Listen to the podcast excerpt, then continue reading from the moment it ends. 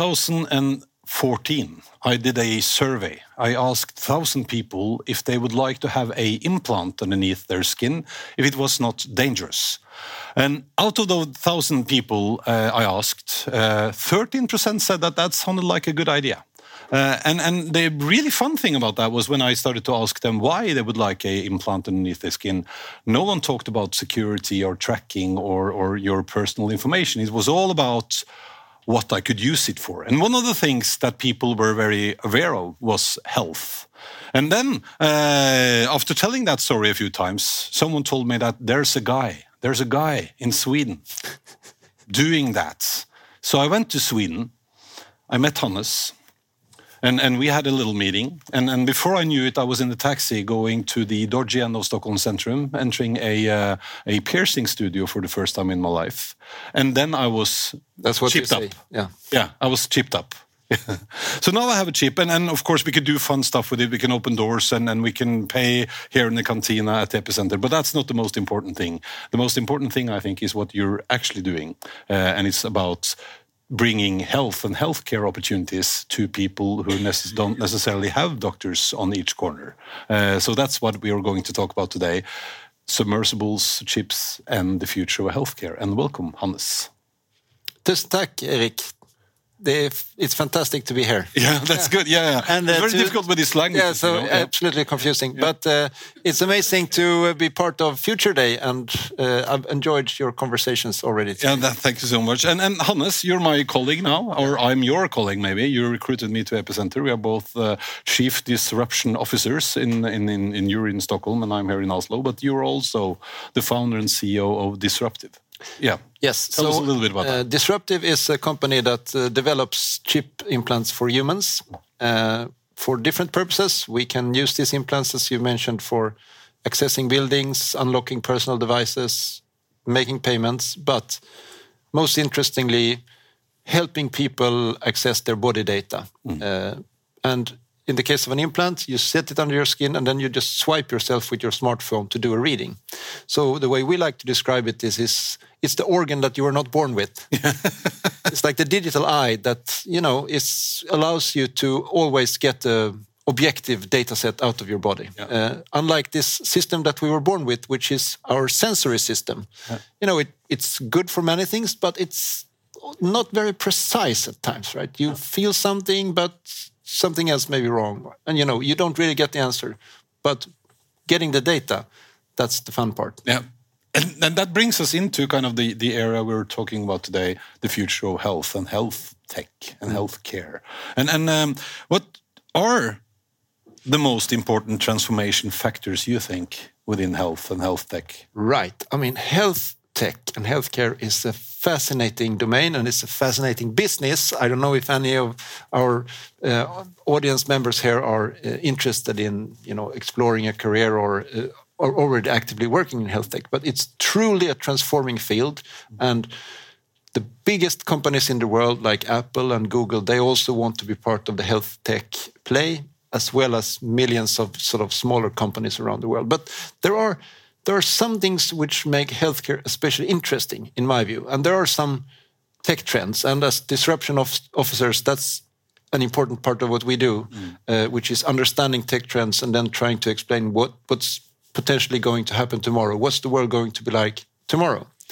And so, if, I, if to summarize, I think there are three powerful tech transformations that are happening right now that we should keep our eyes on, that are powerfully impacting uh, healthcare.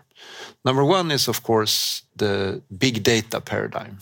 Now that we can collect health data in all different ways. Uh, I mean, we're in fact we're making the whole healthcare experience digital. The value chain is being digitized. And that we, from users, can uh, collect data and store data through samples, through wearables. And it's not just a few data points, but hundreds of thousands of data points. And I like to to describe, you know, the, when I go to a doctor, it's um, it's kind of like in a technical sense, it's a data set that meets an algorithm. I'm the data set, and the doctor is an algorithm, right? So here's my data, and the doctor processes, has some education, has some answers, and then spits out the recommendation. Oh, you should eat this pill, or you should change your life in this way. Um, and traditionally, that has been very much like a, you know, based on the context of two persons meeting and doing a few tests. But now, when I meet a doctor, I give them a data dump. Okay, here's 100,000 data points about my heart rate over the last four years. Mm. Now, what conclusions do you draw? Now, as we all can see, that's not something a human doctor would easily do, right? They say, okay, I'll call you back in a month. yeah. yeah, but you know, we don't want that. So, and that brings me to the second aspect that smart people in the audience already have guessed. So, the way of managing this uh, new big data paradigm is, of course, machine learning systems. Mm. So, and allowing us to process huge sets of data and draw conclusions and see patterns that perhaps humans instinctively could do before. But now we can objectively see these changes in a different way. And I think that is sort of another very interesting uh, tech transformation. And I don't think that algorithms will replace doctors. Definitely not. They will just empower doctors. So mm. a single doctor can take care of a lot more patients or make more precise and more correct diagnostics, for example. So we will see that humans and machines are not competing with each other, but we actually complement each other in excellent ways. Mm. And the third very interesting tech transformation uh, that I know we have talked about before, you and I, is genetics mm. and how just you know 10 years ago it was super expensive to do a genetic test. And now it's a consumer product. You can buy um, you can buy a kit online you take some saliva you put it in the mailbox and then you get a, uh, you know full sequencing of, of the genes in your body. And uh, just for comparison you know uh, well obviously you know eric that in uh, in our cells we have the DNA and you know all these letters, the, the, base pairs, ATCG, ATCG. It's about three billion letters in, in a single human genome. It's a lot of data. And uh, just 20 years ago, reading, the, reading a single human genome cost several hundred millions of dollars. And today we can buy it for uh, perhaps a hundred uh, dollars or so. So it has fallen dramatically in price. Mm. And what does this mean? Uh, to come to the point here, it means that when you combine these big things, like we can now read the genetics of a lot of people, and we can we get huge big data sets, and we apply machine learning to those data sets. It allows us to see completely new patterns. Mm. So we can spot things earlier. We can see, okay, what are the correlations between all these different genes that are potentially causing a disease, and if we, since it's future day, uh, if we think not just about reading genetics, but also what we can actually do in terms of programming, applying genetics. And there has been some fascinating cases recently about um, persons suffering from terrible inheritable diseases. You can, uh, the doctors have extracted bone marrow from these people, genetically modified that bone marrow by giving it a very specialized virus. So uh, reprogramming these cells and then reintroducing them into a person, curing them from this disease. Mm. I mean, it's amazing what we can do. I mean, we're so lucky. Yeah. so I didn't feel, think of that this morning when I read Twitter, but in a broader sense, we are lucky to be alive today because we live in amazing times. Mm. We live in times that, you know, the opportunities for us and for us as a civilization to do great things and for us as individuals to live much much longer and healthier lives they're here. Than ever before yeah. But i think that like you said oftentimes when we talk about you know different technologies it's so easy to kind of get a, a i don't know very high attention on for instance the chip which is basically just a thing we can use to to, to collect data and, and the important thing here, looking at kind of the future of health and health tech and care, is the ability we have now to give that access to that data exactly. and to analyze it and, and train algorithms that can monitor how I'm doing mm. and then predicting if I'm doing stuff wrongly. For real? Yeah, for real. Mm. And, and then helping me adjust or informing my doctor mm. that can inform me mm. that you should exercise more or whatever. Actually, that's the hardest part. Yeah. Because most of us probably know what we should do. Yeah, yeah. Still, we don't, right? No. no. we eat junk food and we. Yeah, you know, and especially we have bad you know habits. that you can just buy some kind of genome thing online and then reprogram it, and you're good to go again. Hey, I, you know, I, I wouldn't mind. so we, human nature is also lazy, right? So, and mm. yeah, if, if, if technology can give us easier solutions, we'll be very keen to, to take them, right? If, if there was a pill I could take instead of having to go jogging, the jogging pill. We would like the jogging pill. That would be nice, hey. right? Yeah. No, but but one thing that we've just discussed before is you know the ability we have now to actually create stuff that could provide healthcare to groups of people who normally doesn't have access to that healthcare. It doesn't mean that they have to be poor, but they can live in remote areas, for instance. And then because you're getting old, you need to kind of move away from your the place you love. You can actually now help them live better lives where they are. Yeah, truly. And this is thanks to to technology, exactly mm. as you're saying. And that I, I see these new paradigms emerging in mm. healthcare. And um, if again, if we should take three important ones, hmm. right? Mm. And what you mentioned here is perhaps the most interesting one and the most obvious one. That is the now we're disconnecting healthcare from from a place, right? So it's not that okay, I feel that bad, I need to go to this building where there's some doctors and nurses, and I need to sit in this wait room with all these other people who are really ill, mm.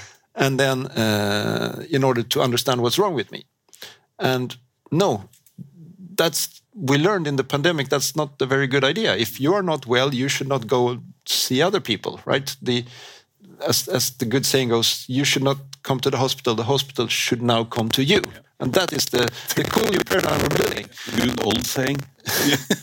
yeah, we said it already last year. So in, exactly, in yeah. the context that, that every, of epicenter, that's the good old good, old, good old days, 2020s. Yeah. uh, but uh, remote healthcare. Uh, I mean, the pandemic has given us normalized the yeah I, I, meet a doctor in in an app or I go I, I, a kit is delivered to my home I make a test and I get an answer right away mm. and that, those are features of this paradigm of remote healthcare and wearing a you know a, a ring like you do or a wristband like a lot of people do or an implant like some of us do uh, are also components in this because it allows a doctor to or an AI to collect data from a person wherever they are. Mm. So even if we live in a remote village in a poor country with two days travel to the closest hospital, if you have a smart device, mm it's enough that you know you just have some kind of connectivity or someone has a smartphone and you'll be able to share that data and mm. do a diagnostic and for me this is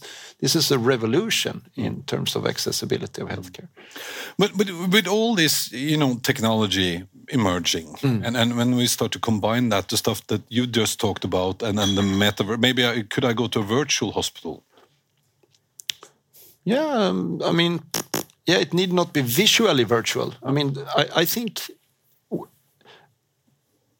if you just go on a health app on, on Apple, right, mm. that's a virtual hospital in some respects. It may not be a metaverse visual where you have avatars walking around you, but for me, that's kind of an unnecessary step because what you want is just to access the data. Mm. And you would like to have the data packaged for you in a good way uh, that gives you insight. Okay, you have been sleeping like this for the last couple of weeks. There is a correlation between the pulse and stress level that we've seen with your alcohol consumption interesting. So here's a couple of recommendations. Cut the booze this weekend. Yeah. right? Yeah. Uh, thus, this is what these algorithms now can do. And that is a parallel paradigm to the remote monitoring, which is the personalization mm. of medicine. So because in the in the old days, like I refer to when when you know like 10 years ago, yeah. people would um, when when we uh, when you wanted to make sort of a recommendation for a patient, it would be based on general statistics. Mm. Okay, so 40% of patients who were male uh, who took this pill experienced a 35% uh, reduction in symptoms. Mm. because that was proven in this huge clinical study, which is how medicine, modern medicine is built. It's huge clinical studies of big cohorts looking at statistic probabilities. But if it was just 60% of the people in this big study who experienced an effect, what about the other 40%? Uh, I mean, it's it's a weak paradigm in that sense because it it doesn't recognize all the other people who who actually did not see a particular effect. But the personalization of medicine, again, with individualized genetic testing, the opportunity to take personalized logs of data. I mean, again, referring to the implant I have that measures my body temperature, I know my personal temperature profile. So if someone you know comes with an external thermometer and measures me, they will get a single reading, but I know what is my curve over the day uh, and in different times. Mm. And this is also allows us to do a different kind of healthcare mm. because we can look at the effects on the individual and someone starts taking a pill we can get the effect on that individual so it's no longer just about the big numbers and the big studies it's also interesting to do studies there where the n equals one mm. And I think that is also quite profound. Yeah, because uh, then we can also, as you said, start to make medicines uh, or pills mm. that are treatments. Yeah, treatments that are customized for you. It has to be this way yeah. because people are different, right? and we know that many of these studies they were based on uh, young people, healthy students, mm. most of them male and of course that's a skewed sample of the population of the whole planet right and just because this medicine worked for these people doesn't necessarily mean it works for everyone else. Yeah. But but i mean i also have my chip uh, but it's still a pretty radical thing to do for most people. What will be do you think the next big thing that affects most people in the near future within health? Interesting. Um, well couple of things. So definitely the personalized data collection is a is a very interesting paradigm. Uh, the fact that you know we will all not just have a patient file, which is notes from doctors because you visited the hospital a few times, but much much bigger data sets of your weight, of your exercise habits, of your sleeping patterns, etc. And all this will be packaged into um, uh, diagnosing us, mm. right? And um, so this already exists, but it's not that widespread in use as I would want it to be and as I expect it to be. And that's up to us tech entrepreneurs to just make it simpler for people to collect that data. Well, yeah. Yeah. But yeah, sorry. No, I mean that was um, uh, that, yeah, that yeah. was the no, yeah. Because one one thing is for for us, you know, ordinary people to mm. be able to collect the data, mm. but I also feel that when when meeting, I have a pretty young doctor, mm uh, and he's an open-minded guy, and he knows these things. So he mm. asks me, mm. and I, I, go to my my doctor because he knows that I'm monitoring everything, and he asks to have a look at my sleeping pattern, at my pulse during the last four months, uh, because I'm getting older. Uh, but but most doctors are not like that. What can we do to kind of help them kicking this off? Well, I think what we need to do, again, to be super practical, is we need to help give them the tools. Mm. But it's also that the classic medical profession is based on treating people who are already quite far down the health as a problem. Mm right? So that's when doctors typically intervene. And for people who are healthy or just moderately ill, they don't engage systematically with the healthcare system. So we need to develop solutions that capture people a lot earlier. Mm. Uh, and that for, is the interesting third paradigm, which is the preventative healthcare dimension, right? So seeing patterns early in stress, sleep, uh, exercise, etc., allowing people to adjust them before it comes to a point where you have such a bad uh, back or such a bad, uh, you know, neurodegeneration that you actually end up in a hospital. So the, the preventative paradigm for me is, is what fascinates me, and that is what makes me rather confident mm. that most of us in this room will live much longer than 100 years of age. Mm because we will have access to these tools. Mm. So we should plan our lives that you know we're going to live long healthy lives long healthy lives so we can go anywhere but but yeah but one thing again you know implants, one thing, uh, clocks, rings, whatever. But but do we see other kind of appliances of technology in our daily life that can help us collect data to use in the future? Um, I mean, you mentioned the obvious ones. Um, I'm fascinated by. I mean, one of my pet projects is the smart toilet. Yeah, yeah. Um, yeah, and and uh, you told me about that, and that's why I asked. You told me about that before, but I think that's why don't we have that already? Yeah, why don't we have the smart toilet? Yeah, because that's such a. Just explain the the, the, yeah. yeah, the, Guys, the idea. Um, do you know how much wonderful health data we just flush down every day? we literally throw it away. Yeah. I mean, if, if, if someone could process that information that you just flush, yeah. you would know so much about your health. Yeah. Like in, without getting it too gross here, but the, the daily sample of urine could give you so much about the nutrients you are missing, if you have elevated levels of sugar, you know, if you are taking too much of medicines, mm. if you are dehydrated or not.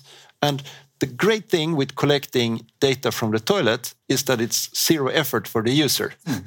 right? So, oh, it's not, oh, I need to get give a blood sample or I need to go somewhere. You just do whatever you anyway do. Mm. it's just that there needs to be a technology layer in that smart toilet who can pick up a few data points, share it with the right app, and you know integrate it with your other things. Mm -hmm. And my vision is that okay, I would like my smart toilet to actually analyze you know a few insights and then order food for me. Mm. Opening suddenly in in the mailbox there is. Um, a recommendation, you know, or even the pills are delivered to my home. Oh, I need to take more uh, iron supplements this yeah. month. Okay, fine. I mean, the, the system just knew that for me. Yeah. And some people say, "Oh, but this is the Big Brother society. Yeah. Oh, it's the surveillance, and you know, it's going to be abused, and it's the big bully that can do things to you." But and, I mean, I recognize that risk. Obviously, I mean, I don't want the Big Brother society, but I kind of want to present what what I like to talk about is is my variant of this, mm. which is what I call the Big Sister society, and. Uh, the big sister, you know, is is something somewhat different from the big brother in the sense that the big brother is this angry Stalin type person who is just going to to abuse you. But the big sister is someone who cares for you. Mm. Right? It's a big system that wants you to feel good and wants to take care of you. Mm. Like we have, you know, we call nurses sister. And then people keep telling me, Hannes, I can tell that you didn't have a big sister when you grew up. Which is true. I had two brothers. but that part aside, the, my idea is that yeah, we we can build good systems that do things for us. Mm. So we should not always have that sort of paranoid reaction. Oh, my data is being collected. Big Brother society. I must stop it, right? Mm. Because if done right, this is a great enabler for health and longevity. Yeah, and and we're talking about you know the the the security uh, issues around data and data. I mean, we have a bunch of of technologies to take care of that as well. Uh, I, I, went to the CES conference mm -hmm. not last year but the year before, and one of the really interesting things I, I thought was the presentation that that Samsung did because they didn't present any uh, phones or uh, tablets or PCs or TVs. They presented their new AI based Ballie, mm. little robot that you're supposed to have in your home. It's about the size of a, a I don't know, softball maybe. Uh, and, and you give it access to whatever you would like it to have access to. And one of those things were, for instance, your refrigerator. It knows what's in your refrigerator. It's connected to your health apps. So it knows when you've been exercising, how much you've been exercising, how much you need to restitute uh, after exercise, and what you have in the kitchen. And they introduced their chef robot who could actually prepare the perfect meal and then combined with all the data when I had to go to the to, to the toilet afterwards, that would be amazing, mm. wouldn't it? Yeah, it would be like a closed loop, yeah. and you would just be healthy. Yeah, because the system would make you healthy. Yeah, and I think that's kind of cool.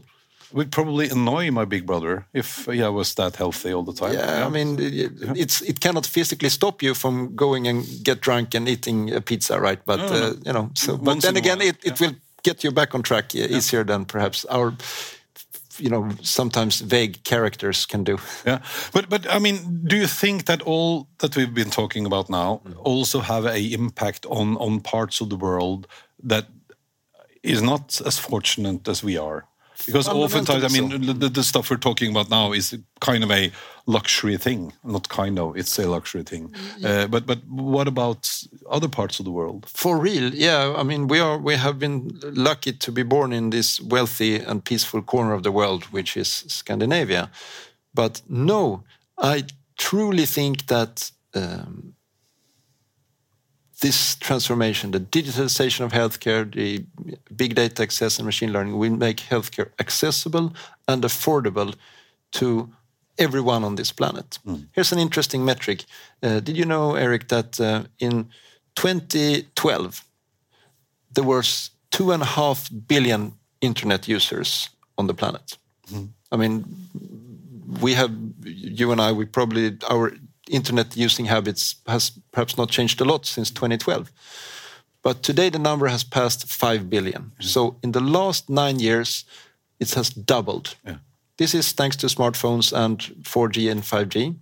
And this means that two and a half billion people who were previously not part of the digital economy and the digital services and who could access these things are now, you know, part of part of this digital paradigm, mm. and they can access the healthcare systems and financial services and everything online. So, in that way, yes, we are democratizing the access of these things to everyone on the planet, and I think that's amazing. It's an amazing time to be alive. Yeah. yeah. Thank you so much, Hannes. Uh, just to sum up, you know, the, yeah. the, as you said, the, the three major or big changes will be because of big data, because of machine learning and and gene genetics, and genetics, very much so. Yeah. Mm. and and combining all of that, helping us, you know, take better decision taking, or at least giving us the opportunity to take better care of ourselves, but also be more kind of proactive uh, in the way that we are developing. Yeah, exactly. Yeah. It's a preventative health, meaning that we just don't fall ill. Yeah. I mean, isn't that the best of worlds? Yeah. That you never ever have to see a doctor? Yeah, I yeah. think so too. Yeah. Thank you so much, Hannes. Thank you. Thank, Thank you. you, everyone. Yeah.